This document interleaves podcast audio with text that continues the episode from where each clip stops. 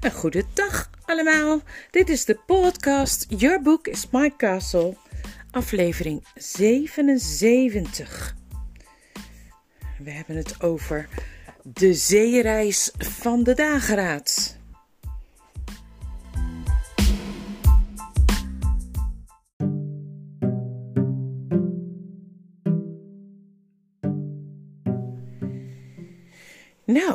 De reis schiet al hard op, want we zijn bij hoofdstuk 15 van het boek. En er staat boven: De wonderen van de laatste zee. Niet lang nadat ze uit het land van Ramandu waren vertrokken, kregen ze het gevoel dat ze de wereld al uitgevaren waren. Alles was anders. Om te beginnen merkten ze allemaal dat ze minder slaap nodig hadden. Je had helemaal geen zin om naar bed te gaan. En je at niet veel en zelfs praten deden ze alleen met gedempte stemmen. Verder was er nog dat licht. Het was veel te licht. Elke morgen als de zon opkwam, leek hij wel twee keer, nee, drie keer zo groot als normaal. En iedere morgen, dat gaf Lucie nog het vreemdste gevoel van alles, kwamen die reusachtige witte vogels in hun snelle vlucht overgevlogen, terwijl ze met hun menselijke stemmen hun lied zongen in een taal die niemand kende. En verdwenen achter het schip op weg naar hun ontbijt aan Aslans tafel. Na een poosje kwamen ze dan weer terug en verdwenen weer naar het oosten. Wat is dat water prachtig helder, zei Lucie bij zichzelf, toen ze vroeg op de middag van de tweede dag over de verschansing aan bakboord geleund stond. En dat was het zeker. Het eerste dat ze in het water zag was een klein zwart dingetje, ongeveer zo groot als een schoen, dat even snel als het schip met hen meereisde. Eerst dacht ze even dat het iets was dat op het water dreef. Maar toen kwam er een stuk oud brood langs drijven dat de kok net uit de kombuis naar buiten had gegooid. En het zag eruit alsof dat stukje brood tegen dat zwarte ding zou opbotsen, maar dat gebeurde niet. Het dreef er overheen en nu zag Lucie dat het zwarte ding niet bovenop het water kon drijven. Toen werd het zwarte ding opeens een stuk groter en even later schoot het weer terug tot op zijn gewone grootte. Nu drong het tot Lucie door dat ze zoiets al eens ergens anders had zien gebeuren. Als ze zich nou maar kon herinneren waar. Ze drukte haar hand tegen haar voorhoofd en trok een diepe rimpel tussen haar wenkbrauwen en het puntje van haar tong kwam naar buiten. Zo hard probeerde ze het zich weer te herinneren. En eindelijk wist ze het weer. Tuurlijk! Het was net zoiets als je zag wanneer je op een stralende zomerdag in de trein zat. Dan zag je de zwarte schaduw van de trein waar je in zat over de velden meerennen, precies even snel als de trein. Dan kwam je langs een helling en onmiddellijk vloog die schaduw vlak naast je omhoog en werd groter en holde mee over het gras op de helling. En dan, als de helling voorbij was, vloep, dan had de zwarte schaduw weer zijn oude grootte en rende weer mee over de weilanden. Het is onze eigen schaduw. De schaduw van de dageraad, zei Lucie. Onze schaduw die met ons meerent over de zeebodem. Toen hij daarnet groter werd, ging hij vast over een heuvel heen. Maar dan moet dat water er nog helderder zijn dan ik dacht, lieve help. Dan kan ik dus tot op de bodem van de zee kijken, vadems en vadems diep. Zodra ze dat gezegd had, begreep ze ook dat die grote zilverkleurige vlakte die ze al een tijd lang, zonder dat ze er erg in had gezien had, in werkelijkheid het zand op de zeebodem was. En dat allerlei donkere en lichtere plekken geen licht en schaduw op het wateroppervlak waren, maar dingen die er echt waren op de bodem. Op dit moment gleden ze bijvoorbeeld over een massa zacht paarsachtig groen spul met een brede, slingerende strook lichtrijs er dwars doorheen.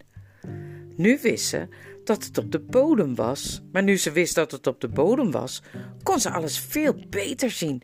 Ze zag dat sommige stukken van dat donkere spul veel hoger waren dan andere stukken en zachtjes heen en weer wuifden. Net bomen in de wind, zei Lucie.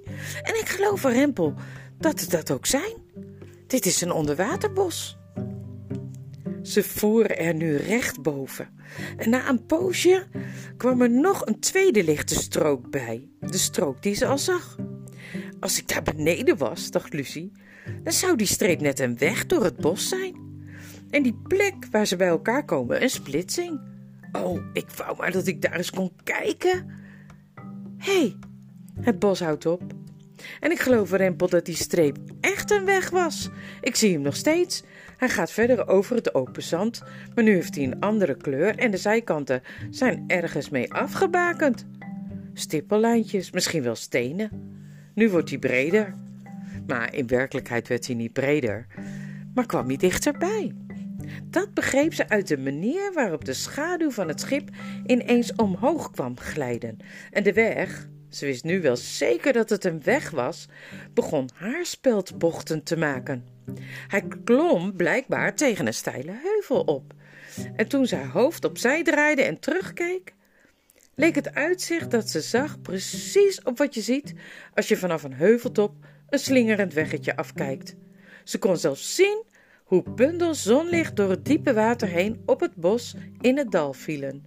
En heel in de verte zag ze alles vervagen in een waas van groen. Maar sommige plekken, waar het zonnig was, dacht ze, waren ultramarijnblauw. Maar ze kreeg niet veel tijd om terug te kijken, want wat er nu aan de voorkant in zicht kwam, was zo spannend. De weg was blijkbaar boven op de heuvel aangekomen en liep daar rechtdoor.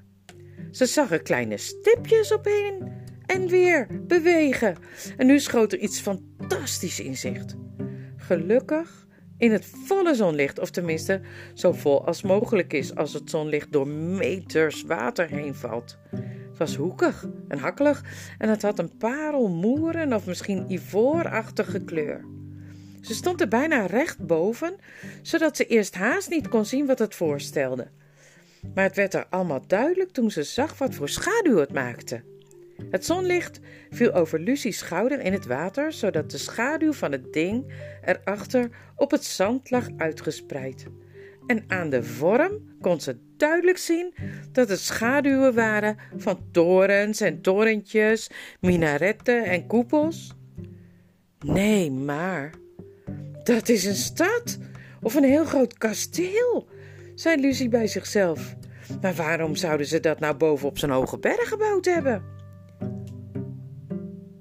Lang daarna, toen ze weer terug was in Engeland en met Edmund over al hun avonturen napraten, bedachten ze pas een reden.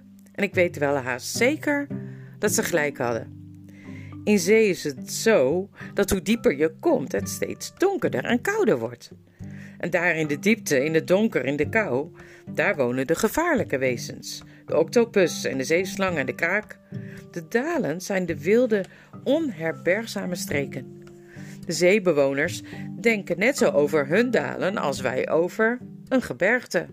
En voor hen zijn bergen zoals voor ons de dalen zijn. Hoog op de berg, of zoals wij zouden zeggen, in ondiep water, is het warm en vredig. De roekeloze jagers en dappere ridders van de zee dalen af naar de diepte voor ontdekkingsreizen en avonturen. Maar ze keren weer terug naar de hoogte als ze behoefte hebben aan rust en vrede, aan gezelschap, goede raad, aan sport en spel en liederen en dans. Ze waren de stad voorbij en de zeebodem bleef nog steeds stijgen. Hij lag nu nog maar zo'n honderd meter onder het schip. De weg was verdwenen. Ze zeilden boven open parkachtig landschap, bespikkeld met kleine groepjes helder gekleurde planten.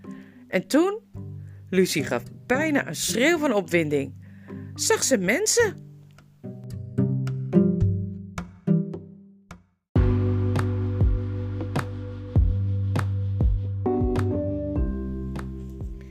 Het waren er tussen de vijftien en de twintig. En ze reden allemaal op zeepaarden. Niet van die kleine zeepaardjes, zoals je misschien wel eens in een museum hebt gezien, maar paarden die een heel stuk groter waren dan zijzelf. Er moeten wel belangrijke hooggeplaatste mensen zijn, dacht Lucie. Want op het voorhoofd van sommigen kon ze geschitter van goud zien. En smaragdgroene of oranje kleurige sjerpen wapperden achter hun schouders aan op de stroom. En toen, hè, die snetvissen, zei Lucie. Want er was een hele school kleine dikke visjes die vrij dicht onder het wateroppervlak zwommen tussen haar en de zeebewoners gekomen. Maar hoewel ze ze daardoor niet meer zo goed kon zien, maakte dat juist dat er nog iets veel interessanters gebeurde. Opeens kwam er een klein fel visje, een soort dat ze nog nooit gezien had, vanuit de diepte naar boven schieten, hapte toe, had beet en liet zich snel weer zakken met een van die dikke vissen in zijn bek. En alle zeebewoners zaten op hun paard strak naar boven te kijken wat er gebeurde. Het leek wel alsof ze praten en lachten. En voordat de jachtvis bij hen terug was met zijn prooi, kwam er al een andere van hetzelfde soort vanaf de zeebewoners omhoog. En Lucie wist bijna zeker dat er één grote zeeman, die midden in de groep op zijn zeepaard zat, hem omhoog gestuurd had of had losgelaten. Net of hij hem tot op dat moment vastgehouden had in zijn hand of op zijn pols. Nee, maar heb je ooit, zei Lucie, het is een jachtstoet. Of meer, zoiets als een valkenjacht. Ja, dat moet het zijn. Ze rijden uit met die kleine felle visjes op hun pols, zoals wij vroeger met een valk op onze arm uitreden, toen we nog koningen en koninginnen waren op Kerpervel, lang geleden. En dan laten ze ze op die andere vissen afvliegen, of eigenlijk zou ik moeten zeggen zwemmen. Hoe? Ze brak haar gedachten plotseling af, omdat het uitzicht veranderde. De zeebewoners hadden de dageraad gezien. De school vissen was naar alle kanten uiteengevlucht. De zeebewoners zelf kwamen naar boven om te ontdekken wat dat betekende, dat grote zwarte ding dat tussen hen en de zon was geschoven. Nu waren ze zo dicht onder het wateroppervlak dat Lucie, als ze zich in lucht in plaats van in water hadden bevonden, zo met ze had kunnen praten. Er waren mannen en vrouwen bij. Ze droegen allemaal een soort kroontje en velen hadden er parelkettingen om. Andere kleren droegen ze niet. Hun lichamen hadden de kleur van oud ivoor. Hun haar was donkerpaars. De koning in het midden, je kon je er onmogelijk in vergissen dat hij de koning was, keek Lucie trots en woest aan en schudde zijn speer tegen haar die hij in zijn hand had. Ook zijn ridders deden dat. De gezichten van de vrouwen stonden heel verbaasd. Lucie wist zeker dat ze nog nooit eerder een schip of een mens hadden gezien. En hoe konden ze ook in zeeën voorbij het einde van de wereld, waar nooit een schip kwam? Waar sta je naar te kijken, Luus? zei een stem vlak naast haar. Lucie was zo opgegaan in wat ze zag dat ze schrok van de stem en toen ze zich omdraaide, merkte ze dat haar arm was gaan slapen doordat ze zo lang in dezelfde houding op de reling had staan leunen. Naast haar stonden Edmund en Drinian. Kijk, daar, zei ze. Ze keken allebei. Maar meteen daarop zei Drinian zacht: Meteen omdraaien, majesteiten. Zo ja. Met onze rug naar de zee toe en net doen alsof we over niets belangrijks staan te praten. Waarom? Wat is er dan? zei Lucie, terwijl ze gehoorzaam deed wat hij zei. Dat wordt niks. Als de matrozen dat allemaal zien, zei Drinian. Straks worden er nog mannen verliefd op zo'n zeevrouw. Of op het land zelf, daar onder water, en springen ze overboord. Ik heb wel eens eerder gezien en gehoord ik heb wel eens eerder gehoord dat zulk soort dingen gebeurden op vreemde zeeën. Het brengt altijd ongeluk als je die wezens ziet. Maar vroeger hebben we ze gekend, zei Lucie. In de oude tijden op Kerperrevel, toen mijn broer Peter hoge koning was. Ze kwamen aan de oppervlakte en zongen bij ons kroningsfeest. Dat moet ik denk ik wel een ander soort zijn geweest, Luus, zei Edmund. Die konden ook in de lucht leven, niet alleen onder water. Ik heb zo het idee dat deze dat niet kunnen. Ze zien eruit alsof ze anders al lang boven water gekomen waren om ons aan te vallen als ze dat hadden gekund. Ze zien er woest uit. In ieder geval, begon Trinian, maar op dat moment hoorden ze twee geluiden. Het ene was een plons, het andere een stem uit het kraaiennest die schreeuwde: Man overboord! Toen was iedereen in rep en roer. paar matrozen klommen haastig in het wand om het zeil te reven. Anderen haasten zich naar beneden, naar het ruim, om aan de riemen te gaan zitten. En Rins, die dienst deed op het achterdek, trok scherp aan de helmstok om het schip te draaien en terug te varen naar de man die overboord was geslagen. Maar intussen was iedereen erachter gekomen dat het eigenlijk niet helemaal een man was. Het was Rippercheap. Die vermaledijde muis, zei Trinian. Daar hebben we meer last mee dan met de hele verdere bemanning van het schip bij elkaar. Als er ergens een mogelijkheid is om je in de nesten te werken, dan doet hij het. We zouden hem in de boeien moeten slaan, kielen halen, op een onbewoond eiland achterlaten, zijn snorharen afknippen. Ziet iemand dat stuk ongeluk soms? Nu moet je niet denken dat Trinian echt een hekel had aan Rippercheap. Juist niet, hij was dol op hem. Daarom was hij dodelijk ongerust over hem. En doordat hij ongerust was, verloor hij zijn humeur. Precies, zoals je moeder veel bozer op je is dan iemand anders zou zijn als je zomaar vlak voor een auto de straat op rent. Natuurlijk was niemand bang dat Rippercheap zou verdrinken, want hij kon uitstekend zwemmen. Maar de drie die wisten wat er daar onder water gebeurde, waren bang voor die lange gemene speren die de zeebewoners in hun handen hadden. Binnen een paar minuten was de dageraad omgekeerd en kon iedereen in het water de zwarte bobbel zien die Rippercheap was. Hij was aan één stuk door heel opgewonden aan het kletsen, maar omdat hij telkens zijn mond vol water kreeg, kon niemand verstaan wat hij zei. Als we niet zorgen dat hij zijn mond houdt, flapt hij alles er nog uit, zei Drinian. Om dat te voorkomen rende hij naar de zijkant van het schip, liep zelf een touw naar beneden zakken, terwijl hij tegen de matrozen riep: Niks aan de hand, het is al goed, terug op de plaatsen. Ik hoop toch dat ik zonder hulp nog wel een muis binnen kan halen. En toen Rippercheap langs het touw omhoog te klimmen, nogal onhandig, omdat hij zo zwaar was met die natte vacht, hing Drinian over de reling tegen hem te fluisteren: Niks zeggen, geen woord. Maar toen de druipende muis op het dek was aangekomen, bleek dat hij totaal niet in de zeebewoners geïnteresseerd was. Zoet, piepte hij. Zoet, zoet. Waar heb je het over? vroeg Trinian geërgerd. En je hoeft je niet tegen mij aan uit te schudden, zeg.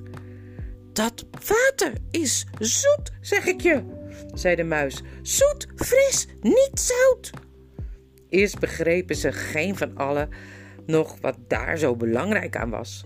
Maar toen herhaalde Rippercheap de oude voorspelling nog eens. Waar het water niet zoet, zout, maar zoet smaakt. Rippercheap, daar vind jij gewis al wat je diepste verlangen is. Daar is het uiterste oosten. Toen begrepen ze het allemaal. Geef me eens een emmer, Reinelf, zei Trinian. Hij kreeg een emmer, liet hem in het water zakken, hees hem weer omhoog. Het water in de emmer sprankelde als glas. Misschien wil uw majesteit er eens van proeven, zei Drinian tegen Caspian. De koning nam de emmer in zijn handen, tilde hem aan zijn lippen, nam voorzichtig een slok, dronk toen met diepe teugen en keek op. Zijn gezicht was veranderd. Niet alleen zijn ogen, maar alles aan hem zag er stralender uit.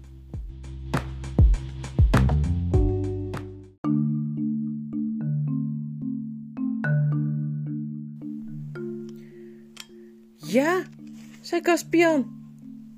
Het is zoet, het is echt water. Ik weet niet zeker of ik er niet aan dood, aan zal gaan, maar dit is de dood waarvoor ik dan gekozen zou hebben als ik hiervan had geweten. Hoe bedoel je? vroeg Edmund. Het, het smaakt nog het meest naar licht, zei Caspian. Ja, dat is het, zei Rippercheap. Drinkbaar licht. We moeten nu vlak bij het eind van de wereld zijn. Het was even stil en toen knielde Lucie neer op het dek en dronk uit de emmer. Dit is het lekkerste wat ik ooit geproefd heb, zei ze. En het leek of ze even naar adem snakte. Maar oei, wat is het sterk! Eten zullen we wel een poos niet nodig hebben. En één voor één dronk iedereen aan boord ervan. En de hele poos zwegen ze allemaal. Ze voelden zich zo goed en sterk dat ze het bijna niet verdragen konden. En meteen begon er nog iets anders op te vallen. Zoals ik al verteld heb, was het al zo lang. Was het al, zolang ze het eiland van Ramandu achter zich hadden gelaten, te licht. De zon was te groot, al was hij niet te heet. De zee te schitterend, de lucht te stralend. Het werd, nu niet minder licht, eerder nog lichter. Maar nu konden ze er tegen. Ze konden recht omhoog tegen de zon inkijken, zonder met hun ogen te knipperen. Ze konden meer licht zien dan ze ooit gezien hadden. En ook het dek en het zeil en hun eigen gezichten en hun lichaam gingen er steeds stralender uitzien. En alle touwen glansden. En de volgende ochtend toen de zon opkwam, nu vijf of zes keer zo groot als eerst, keken ze er strak naar en ze konden zelfs de veren van de vogels onderscheiden toen die er vandaan kwamen vliegen. Die hele dag werd er aan boord bijna geen woord gezegd. Totdat Drinian tegen de avond, maar niemand had trek in avondeten, ze hadden genoeg aan het water, zei: Ik begrijp er niets van. Er is geen zuchtje wind. Het zeil hangt slap naar beneden. De zee is zo glad als een vijver. En toch blijven we net zo hard doorvaren alsof we een orkaan achter ons hebben. Daar heb ik ook over zitten denken, zei Caspian. We moeten in een of andere sterke stroom terechtgekomen zijn. Hm, zei Edmund, dat is niet mooi als de wereld echt ergens ophoudt en we al vlak bij de rand zijn. Bedoel je, zei Caspian, dat we er gewoon, nou ja, overheen zouden kunnen spoelen? Ja, ja, riep Rippertjeep. Hij klapte in zijn voorpoten. Zo heb ik het me altijd voorgesteld. De wereld als een geweldige ronde tafel. En het water van alle oceanen stroomt eindeloos over de rand. Het schip gaat kiepen, staat op zijn punt heel even. En dan kunnen we over de rand heen kijken. En dan in een vliegende vaart razendsnel. En wat denk je dan dat er daar beneden op ons wacht? Hm? zei Drinian. Het land van Aslan misschien, zei de muis. Zijn ogen straalden. Of misschien kom je wel nooit beneden. Misschien gaat het altijd maar door, dieper en dieper, voor eeuwig dieper. Maar wat het ook is, zou het jullie niet alles waard zijn om één ogenblik lang over de rand van de wereld te hebben kunnen kijken? Maar moet je nou eens horen, zei Eustace. Dat is toch allemaal larikoek? De wereld is rond als een bal. Bedoel ik, niet zoals een tafel. Onze wereld, zei Edmund.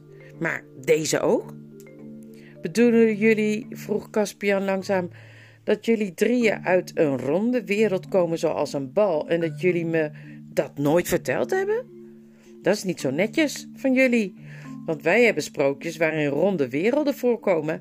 En die heb ik altijd prachtig gevonden. Ik heb nooit geloofd dat die ook in het echt zouden bestaan. Maar ik had het altijd al gewild. En ik heb altijd al graag eens een poos in zo'n wereld willen wonen. Oh, ik zou er alles wel voor willen geven. Waarom zouden jullie eigenlijk wel in onze wereld kunnen komen en wij nooit in die van jullie? Als ik maar eens eens de kans kreeg. Het moet heel spannend zijn als je op een ding woont dat op een bal lijkt. Zijn jullie ooit naar de gebieden geweest waar de mensen dan ondersteboven rondlopen? Edmund schudde zijn hoofd. Zo zit het niet helemaal, voegde hij eraan toe. Er is niets bijzonder spannends aan een ronde wereld als je er eenmaal bent. Nou, dat is het vijftiende hoofdstuk. En volgende aflevering, het laatste hoofdstuk van dit boek. Ik ben zo benieuwd. Hoe zou het einde van de wereld dan zijn? Hoe zou het gaan met ze? Nou, dat gaan we dan horen.